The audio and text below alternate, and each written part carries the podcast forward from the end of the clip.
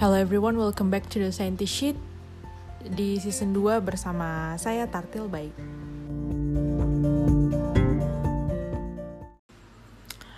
Kita masih dalam momen kemerdekaan, saya mau ngucapin Dirgahayu Republik Indonesia ke 75 tahun. Semoga Republik Indonesia semakin maju ke depannya. Well, uh, untuk kesempatan kali ini, saya ingin membahas mengenai what is going on with Papua gitu loh. Ada apa dengan Papua gitu.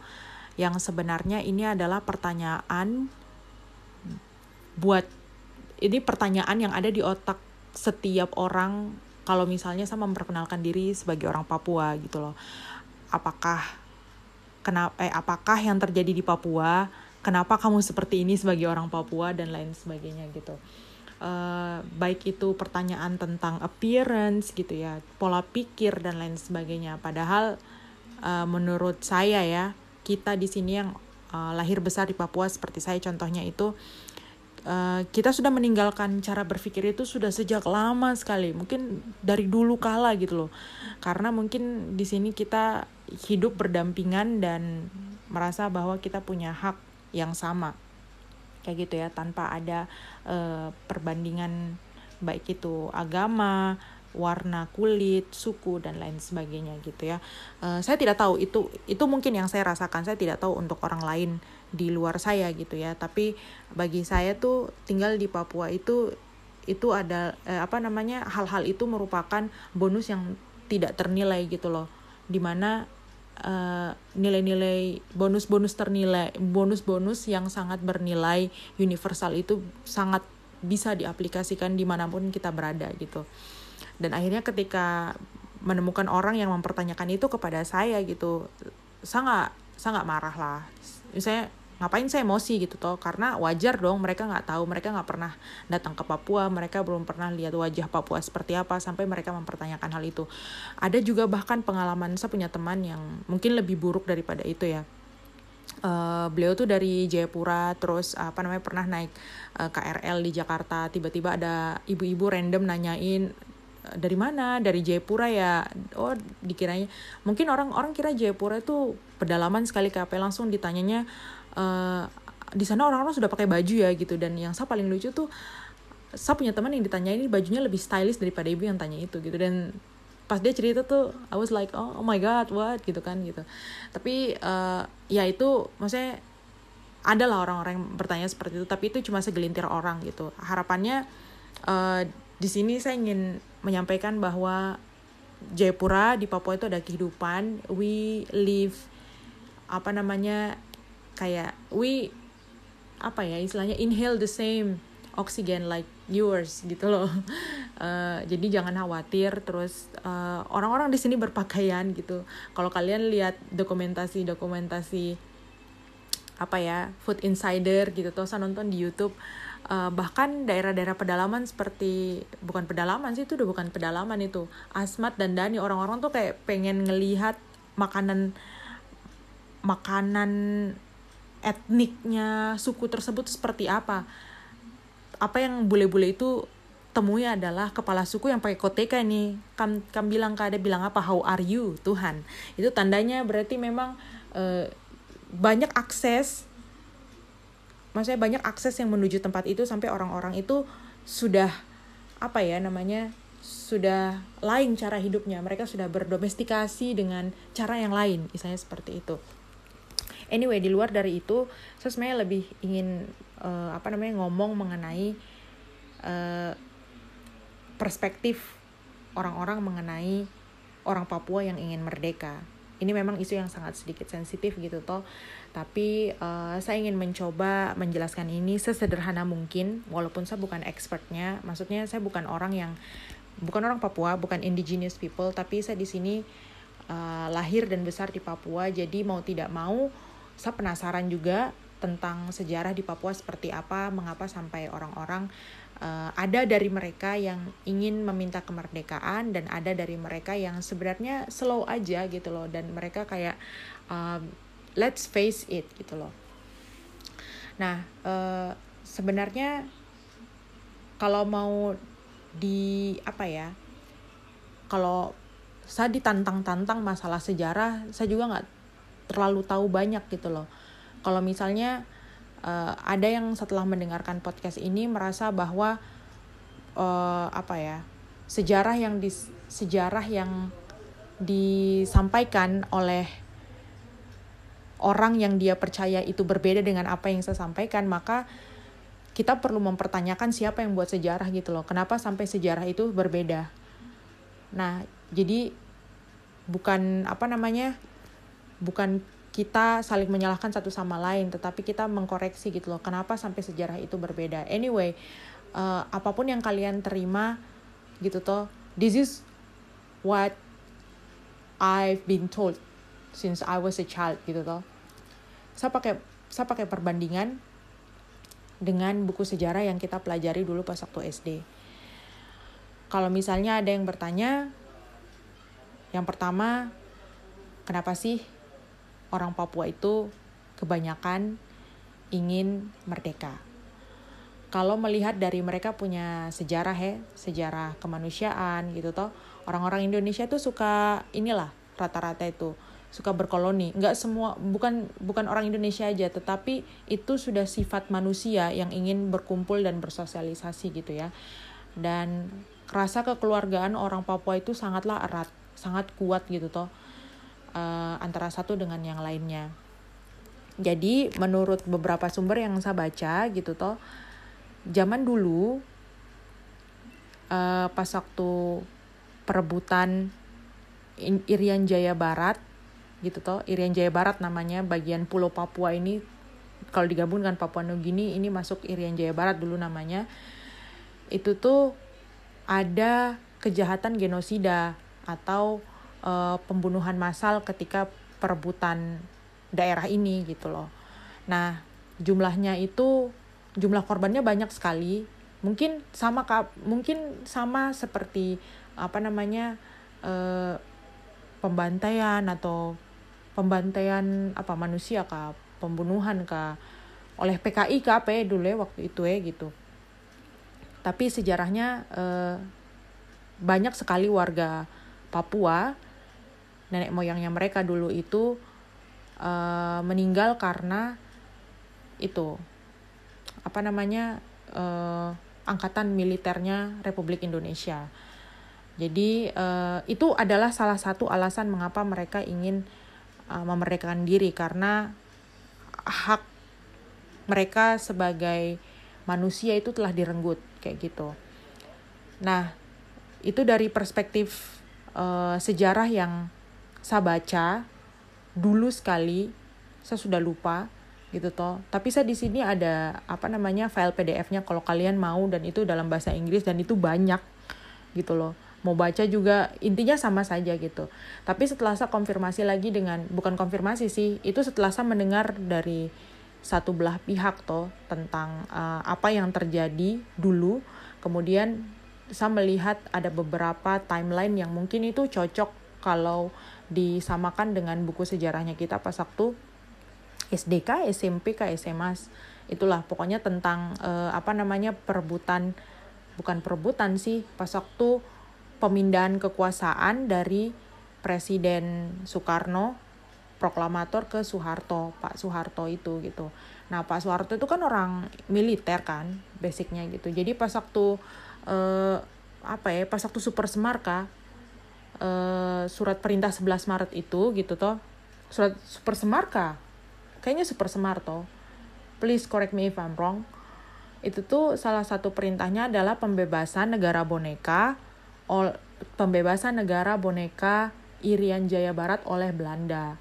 Nah, jadi konteksnya kalau lihat dari buku sejarahnya kita yang kita pelajari, um, Papua itu sebenarnya sebelum digabungkan sebagai Indonesia, dia tuh sudah menjadi sebuah negara sendiri yang dibentuk oleh Belanda. Itu kan, kalau kalau saya mengertinya begitu ya saya saya memahaminya dari buku sejarah seperti itu.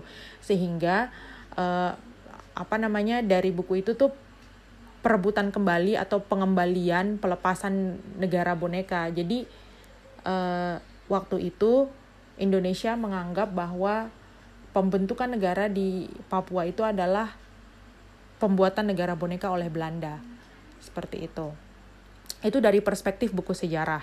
Dan saya tidak bisa membela mana yang benar dan mana yang salah karena I don't know who wrote that history anyway gitu kan. Dan uh, kalau menurut versinya orang Papua gitu toh kalaupun mau dibilang bahwa dulu negara atau Irian Jaya Barat itu adalah uh, negara bonekanya Belanda gitu toh dalam suatu forum membicarakan tentang uh, Papua tahun lalu bulan apa saya lupa 2019 di Australia itu ada seorang ada seseorang perwakilan dari United Liberation uh, West Papua kah kalau tidak salah itu uh, beliau mengungkapkan bahwa ketika mereka belum bersatu dengan Indonesia hidup mereka itu uh, makmur dan sejahtera, sentosa dan lain sebagainya kayak gitu.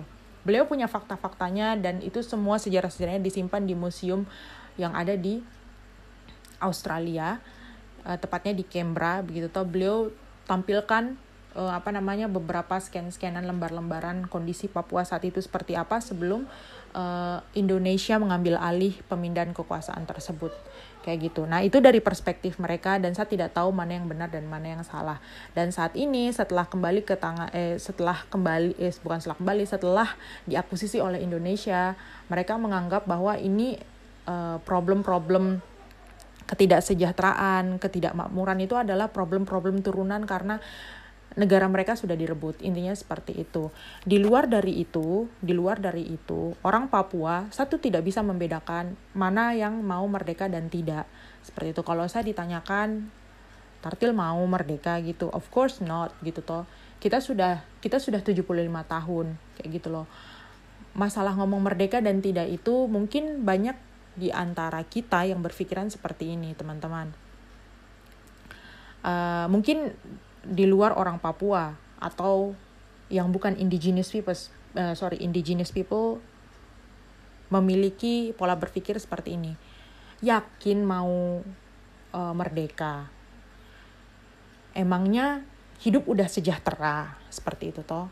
Emangnya pendidikan udah bla bla bla? Emang infrastruktur udah lala lala dan lain sebagainya ada satu hal yang itu tuh menarik saya punya perhatian ketika bapak perwakilan dari U ULWP UNLWPK itu sudah pokoknya United Liberation of West Papua itu.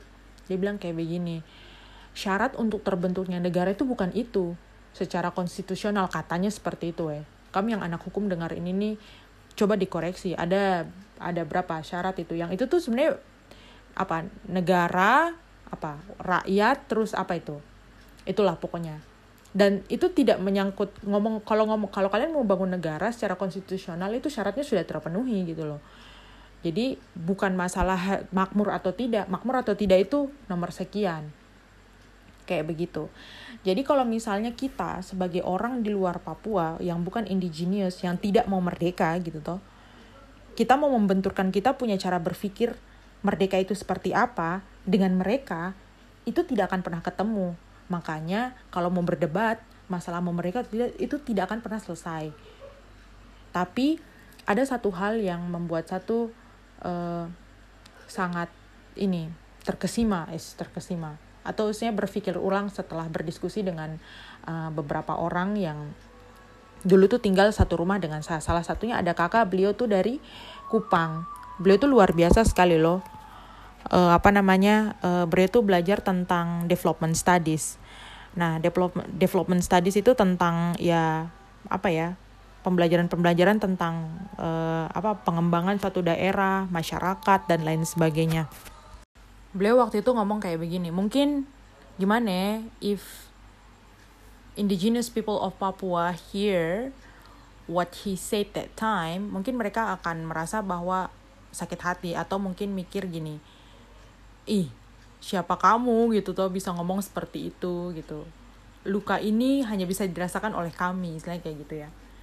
Tapi dia bilang kayak begini apa yang dialami oleh Papua atau zaman dulu ketika uh, apa ya istilahnya uh, pembunuhan penebasan orang-orang yang tidak berdosa mungkin dulu itu itu terjadi di beberapa daerah yang itu tidak hanya di Papua banyak luka yang sebenarnya terjadi tidak hanya di Papua.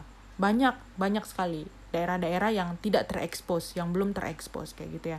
Banyak sekali daerah-daerah itu yang mungkin kurang sekali apa ya dia punya perhatian yang diberikan oleh negara itu daripada Papua kayak gitu. Tapi apa yang mereka lakukan ini adalah saran yang paling mungkin kedengarannya sangat useless tapi uh, we need to consider this. Kita harus legowo. Kita harus melupakan masa lalu bukan melupakan masa lalu embrace the past embrace the past istilahnya kayak gitu toh. Kita harus apa ya mengembrace masa lalu kita. Kita harus menerima masa lalu yang sudah terjadi kayak gitu loh it's time to move on kayak gitu. It's time to you know it's time to walk forward gitu loh. Kita boleh look back tapi itu jadi pembelajaran kita. Saat ini waktunya di mana dunia ini sedang uh, apa sedang carut marut banyak sekali krisisnya gitu dan kita harus segera bergegas untuk uh, apa ya memulai sesuatu gitu loh melakukan sesuatu yang itu tuh impactful buat masyarakat kita yang itu tuh berguna yang itu bisa dirasakan oleh uh, masyarakat masyarakat di sekitar kita. Beliau bilang kayak begitu dan uh, in some point saya betul-betul setuju dengan beliau gitu. Karena dengan begitu uh, terlepas mau merdeka atau tidak gitu loh kita itu sedang sebenarnya ketika memikirkan hal lain selain merdeka contohnya untuk mengembangkan daerah sendiri kayak gitu toh saat itu juga kita sedang berpikir bagaimana kita mencoba untuk memimpin daerah kita sendiri kayak gitu. Untuk menyelesaikan masalah-masalah yang ada di daerah kita sendiri di luar dari memerdekakan diri sendiri istilahnya kayak gitu. Karena apa? Dengan seperti itu ya dengan kita fokus apa yang kurang dari daerah kita, apa potensi apa yang harus dikembangkan dan lain sebagainya itu uh, mungkin bisa jadi salah satu faktor atau X faktor yang membuat sebuah daerah itu bisa melejit lebih jauh dibandingkan daerah-daerah yang lain. Sehingga untuk menjadi uh, apa namanya untuk mau merdeka anggaplah seperti itu toh atau melepaskan diri dari satu negara uh, mungkin mungkin saja itu akan lebih apa ya istilahnya bukan lebih mudah sih apa ya lebih make sense gitu loh. Paham gak sih? Kayak misalnya kita mau membandingkan persoalan kemerdekaan yang ada di Papua. Kalau kita banding-bandingkan kalau masalah kemakmuran dan kesejahteraan mending Jawa saja yang ini merdeka atau Bali gitu loh. Kenapa orang sudah maju? Kalau misalnya kemerdekaan itu kemerdekaan itu tidak menjadi salah satu barometer atau ukuran sebuah nasionalisme anggaplah seperti itu ya. ini sebuah umpama maka sebenarnya yang paling berhak merdeka itu ya dua daerah itu Jawa sama Bali gitu. Karena mereka uh, istilahnya dari apa namanya uh, kualitas sumber daya manusianya bagaimana gitu tuh dan lain sebagainya. Jadi mereka lebih lebih inilah lebih make sense kalau kita bilang untuk merdeka ketimbang daerah lain contohnya Papua seperti itu. Maka eh, yang sebenarnya ingin apa ya ingin sa coba ajak kepada orang-orang gitu toh. Punya teman-teman di Papua bahwa jangan tanya orang apakah dia mau merdeka atau tidak. Do what you think it's good for you and for your environment for today and the future.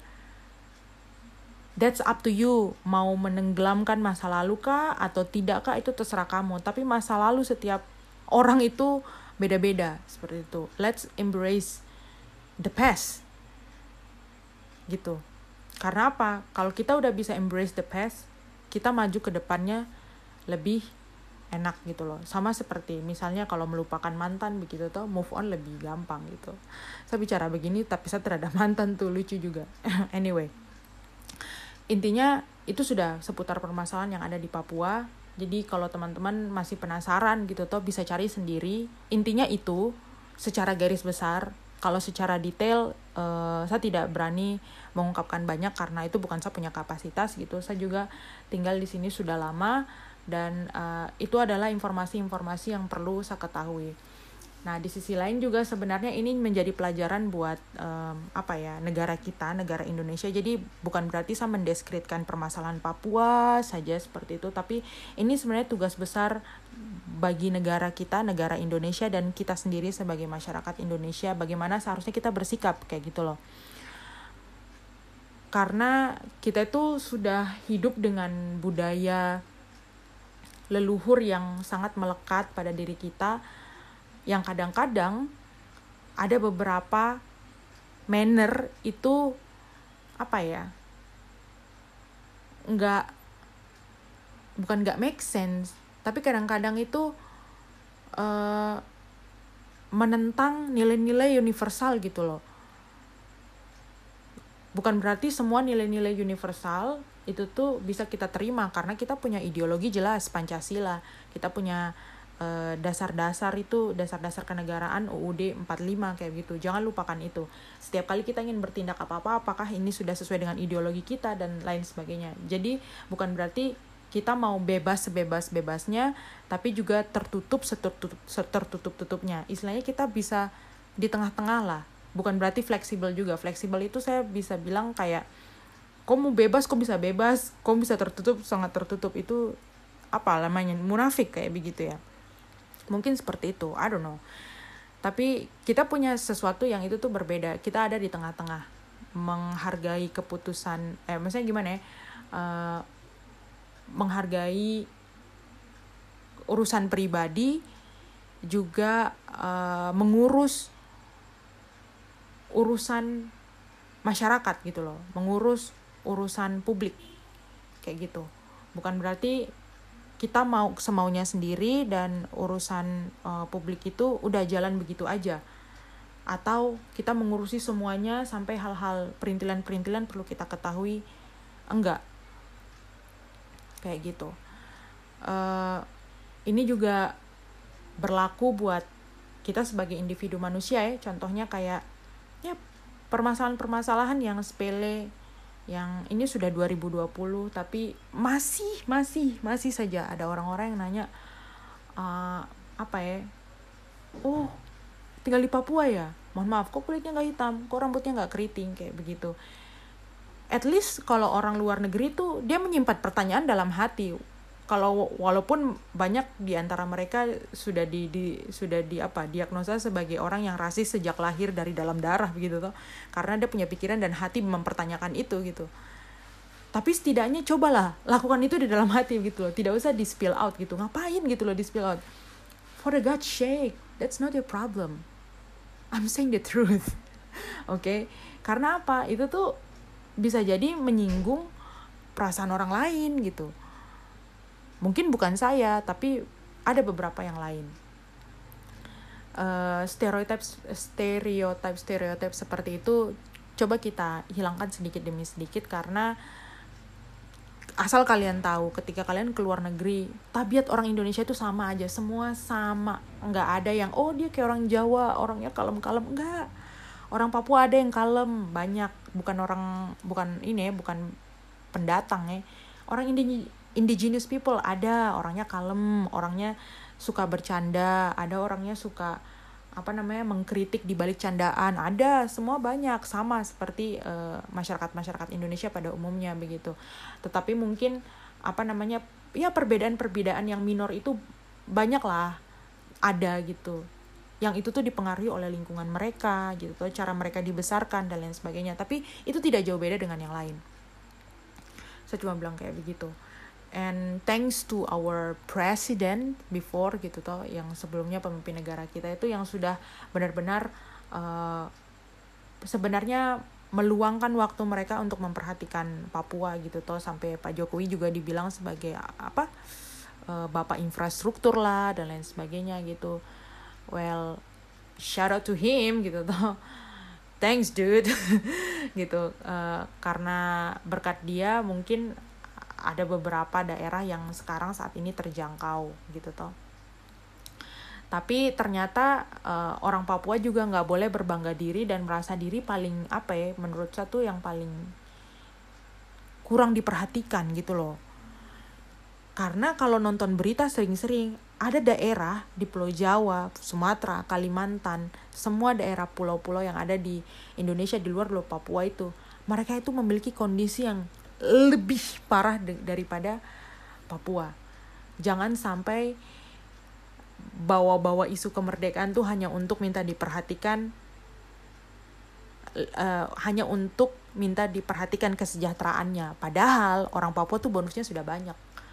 Kalau dari pertemuan yang saya ikuti tahun lalu di Melbourne itu hmm, kucuran dana untuk apa namanya mengurus rumah tangga sendiri alias disebut dengan otonomi daerah itu pertama kali digelontorkan uh, tahun 2000 itu tuh besar sekali khusus untuk Papua sampai bisa menyekolahkan anak-anak indigenous people yang cerdas-cerdas itu keluar negeri gitu loh. Harusnya Papua itu orang-orang Papua gitu toh menurut saya pandai mengelola apa namanya resources resources itu. Sudah dapat resources funding resources tambang resources resources alam kayak gitu sama resources uh, sumber daya manusia yang luar biasa potensial itu harusnya bisa di manage dengan rapi dan baik gitu. Itu harapannya saya sih untuk Papua uh, beberapa tahun ke depan kayak gitu. Nah kalau misalnya kita sudah in the same page kayaknya definisi merdeka itu akan sedikit demi sedikit beralih kayak gitu loh. Sudah tidak lagi masalah uh, apa namanya kontinen lagi udah bukan masalah apa ya wilayah lagi gitu. Tetapi lebih kepada sesuatu yang esensial gitu loh. Apakah sudah bisa merdeka dari uh, memanajemen diri sendiri terus daerah terus uh, sumber daya alam gitu toh? Sumber sumber daya terbarukan orang dan lain sebagainya gitu kalau misalnya itu sudah bisa di uh, apa namanya maksimalkan wow tinggal tunggu waktu aja. Semua negara mengakui daerah kita gitu loh bukan berarti ingin merdeka no gitu. Tetapi uh, nggak uh, usah nunggu ini nggak usah nunggu daerah lain untuk mengakui Papua. Tetapi kalau misalnya kita maju gitu toh kita berkembang dengan kita punya usaha ini dengan sumber daya yang ada di sini nggak usah daerah-daerah di luar Papua pulau-pulau di luar Papua negara lain angkat topi. Seperti itu. So ya itu saja mungkin yang bisa saya sampaikan gitu toh uh, mengenai Papua gitu yang buat penasaran how's been living in Papua? I'm living very good gitu loh. Uh, saya senang tinggal di sini karena saya merasa bahwa I don't know I think living in Papua is kinda the real Indonesia. Because you know saya sekolah itu saya tidak bertemu dengan suku yang monoton. Contohnya saya kuliah di dulu di Jawa itu hampir satu kelas itu uh, isinya kalau tidak anak Jawa uh, Jakarta Sunda Jawa Tengah Jawa Timur kayak gitu toh. Beberapa Sumatera sudah satu kan dua kak. Dan saya sendiri Papua. Saya satu kelas teman satu geng. Satu orang Padang satu orang Jawa satu orang Manado satu orang Padang satu orang Makassar. Ada orang Kupang saya kasih tahu. Ada yang itu Kupang juga tuh ada yang dari Alor. Aduh ada yang dari Sumba. Kamu bayangkan itu satu kelas satu kelas. Dan gimana ya saya merasa kayak wow amazing this is Indonesia gitu loh. Sampai ke sana lucunya saya dipertanyakan gitu loh. Papua kok kayak gini gitu kan? Oh my god gitu. Dan itu bukan salah satu sebenarnya itu bukan apa ya itu bukan bentuk ketersinggungannya saya gitu. Tapi uh, mudah-mudahan ini bisa jadi refleksi buat kita semua bagaimana kita memandang eh, orang-orang uh, atau masyarakat yang itu tuh di luar dari daerah kita atau sukunya kita.